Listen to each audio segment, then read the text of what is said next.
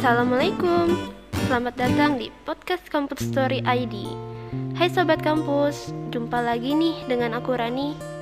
Oh ya, sebelumnya, halo, kalian apa kabar? Gimana minggu-minggu ini? Aku harap apa pun itu semoga selalu baik ya. Oh iya, gimana juga nih kabar orang-orang terdekat kalian? Semoga baik-baik juga ya. Amin Ngomong-ngomong soal orang terdekat, di topik hari ini aku akan bahas tentang orang yang dekat sama kita, yaitu tentang teman. Dalam kehidupan, manusia memiliki peran sebagai makhluk sosial, yaitu memiliki arti bahwa manusia dikodratkan untuk hidup bermasyarakat dan berinteraksi dengan manusia lain. Intinya manusia gak bisa hidup sendiri lah ya, jadi kita butuh tuh yang namanya orang lain seperti teman contohnya. Teman. Apa sih teman itu? Kalau ditanya apa itu teman, itu tuh banyak banget maknanya. Seperti teman adalah orang yang mau mendengarkan kita, teman adalah orang yang jujur dengan kita, teman adalah orang yang tidak pernah mengekang kita, teman adalah orang yang membuat kita merasa bebas dan nyaman untuk bercerita saat ada masalah ataupun tidak. Dan masih banyak lagi lah ya. Kalau dari aku sendiri, teman itu ada di saat kamu menangis, atau bahkan dia menjadi alasan kenapa kamu menangis. Wah, ketahuan nih suka nangis gara-gara temen ya, Ran. Bukannya suka, tapi ya pernah aja sedih gara-gara temen. Kayak misalnya temen aku punya temen baru lagi, punya lingkungan yang baru. Ya, tapi kok dipikir-pikir nggak apa-apa sih ya sebenarnya punya teman baru Uh, tapi yang buat aku sedih itu gara-gara dia malah lebih deket sama teman barunya, sama circle-nya. Aku aku itu aku jealous, aku cemburu. Tapi aku cemburu ada alasannya. Aku cemburu karena aku jadi kurang deket sama dia. Waktu mainnya dia sama aku jadi sedikit, jarang ketemu. Dan kalau udah kayak gitu, lama-lama kemudian kita udah gak sejalan deh. Dan kalau udah gak sejalan, pasti nggak bakal nyambung nggak bakalan klik gitu. Akhirnya sekarang udah gak lagi sama-sama. Awalnya gara-gara ada teman baru yang berakhir saling menjauh. Kalau ketemu udah kayak orang asing diam aja gak nyapa kayak gak pernah kenal gitu. Kirain bakal lama temenan sama dia. Ternyata harus berakhir juga. Dan saat itu aku ngerasa sedih ngerasa sendiri dan sepi. Karena saat itu temen aku cuma dia. Tapi temen dia bukan cuma aku ya mau gimana lagi? Aku nggak bisa maksa dia untuk terus bersama aku. Dia juga berhak memilih jalannya. Dan dalam kejadian ini juga nggak ada yang bisa disalahkan. Karena emang kodratnya seperti itu. People come and go. Eh malah cerita deh. Lanjut lagi ya. Nih kalau aku lihat-lihat sekarang nih lagi zamannya circle dalam pertemanan. Ya gak sih? Buat kalian yang nggak tahu Circle pertemanan adalah lingkaran pertemanan atau kelompok pertemanan. Dan biasanya ada macam-macam circle pertemanan. Ada yang toxic, ada yang emang real, ada yang apa ya? Pokoknya macam-macam deh. Nah, yang paling sering aku temui itu yang circle dalam circle. Maksudnya ada grup dalam grup gitu. Bis, ngeri ya. Biasanya yang begitu jumlah orang dalam circle-nya lebih dari tiga orang tuh kalau aku pribadi nih, aku lebih milih temen sedikit daripada ada circle dalam circle. Karena kayak apa banget gitu ada circle dalam circle. Dan pasti nih, ujung-ujungnya gak jauh dari ngomongin temen satu circle-nya. Ngeri kan? Katanya circle-nya lima orang. Kok mainnya cuma bertiga?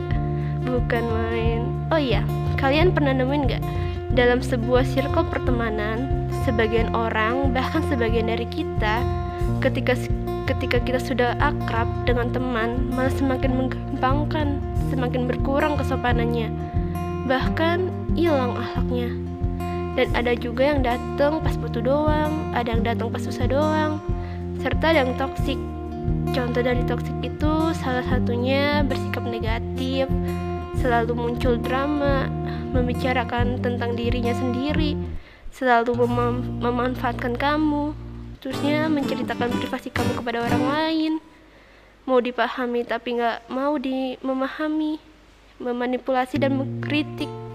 Nah kalau menurut aku sih orang yang kayak gitu tuh tinggalin aja karena nggak kepake ya kan malah jadi beban buat kita kalau kata Boy Chandra nih ya yang suka mematahkan dan sering menyamar sebagai teman memang harus dijauhi hidup jadi repot dengan orang semacam ini. Pura-pura mendukung ternyata menggulung. Jadi harus memutuskan memutuskan pertemanan ya. Memutuskan pertemanan yang gak sehat adalah sehat untuk diri kita. Jangan mau bertahan di circle pertemanan toksik.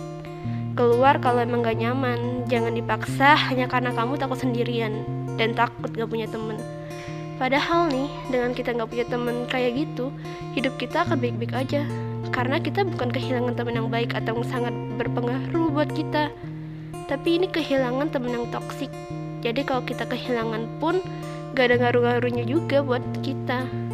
Dan kalau kita berhasil nih keluar dari circle pertemanan yang toksik pasti kita ngerasa bebas dan lepas. Tapi kalian ngerasa gak sih? Semakin dewasa semakin sedikit semakin sempit circle pertemanan. Tapi semakin real dan semakin kelihatan mana yang teman yang tulus mana yang datang cuma pas butuh doang Aku tuh dulu sempat ngira kalau semakin dewasa akan semakin solid pertemanan. Ternyata semakin renggang. Serta jadi sedikit ya temennya. Tapi nggak apa-apa loh teman sedikit. Dalam pertemanan yang penting kualitas, bukan kuantitas. Teman banyak tapi palsu semua buat apa? Iya kan? Teman sedikit tapi hatinya tulus itu lebih baik. Menurut aku pribadi nih, kita tuh berhak banget loh untuk memilih siapa yang menjadi close friend kita. Mungkin kalau untuk sekedar teman siapa aja bisa jadi teman ya. Tapi kalau untuk jadi close friend itu kita perlu memilihnya karena ini bakal ngaruh banget buat ke kehidupan kita sehari-hari. Karena teman itu bisa mempengaruhi kepribadian kita dan juga cara pikir kita. Serta bisa mencerminkan diri kita juga. Jadi harus hati-hati banget lah buat milih close friend. Aku dulu pernah menganggap kalau teman adalah segalanya. Tapi seiring berjalannya waktu yang segalanya untuk kita adalah keluarga. Ketika kita jatuh atau mendapatkan keberhasilan yang segalanya di samping kita adalah keluarga. Terlepas dari bagaimanapun keadaan keluarga kita teman hanya sebatas pertemanan sebagai tukar pikiran, pengalaman, dan sebagainya sebab teman berhak memilih jalan hidupnya masing-masing dan berhak mendapatkan kebahagiaan mereka. Yang terpenting saling memahami dan masih saling komunikasi. Jangan putus ya komunikasinya. Uh, aku cuma mau ngingetin ke kalian bahwa tidak ada teman yang benar-benar teman sampai ketika ia mengingatkan kesalahanmu, menasehatimu, dan membuatmu bangkit dari keterpurukan. Itulah teman yang sebenarnya. Dan satu lagi yang perlu kalian ketahui, dikelilingi oleh teman, saudara, atau orang yang baik adalah salah satu rezeki yang datang melalui tabiat kita. Maka dari itu, terus memperbaiki diri ialah salah satu jalan yang akan mendekatkan kita pada hal-hal baik. Mungkin itu aja dari episode aku kali ini. Terima kasih buat kalian semua yang udah dengerin.